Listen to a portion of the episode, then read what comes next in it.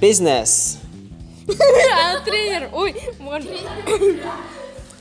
My book is about the avatar of Aang. Uh, he is freeze in the ice.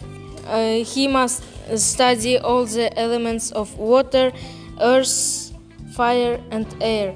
Uh, he traveled to find all the uh, masters of the elements and stop the merciless attacks of the people of fire.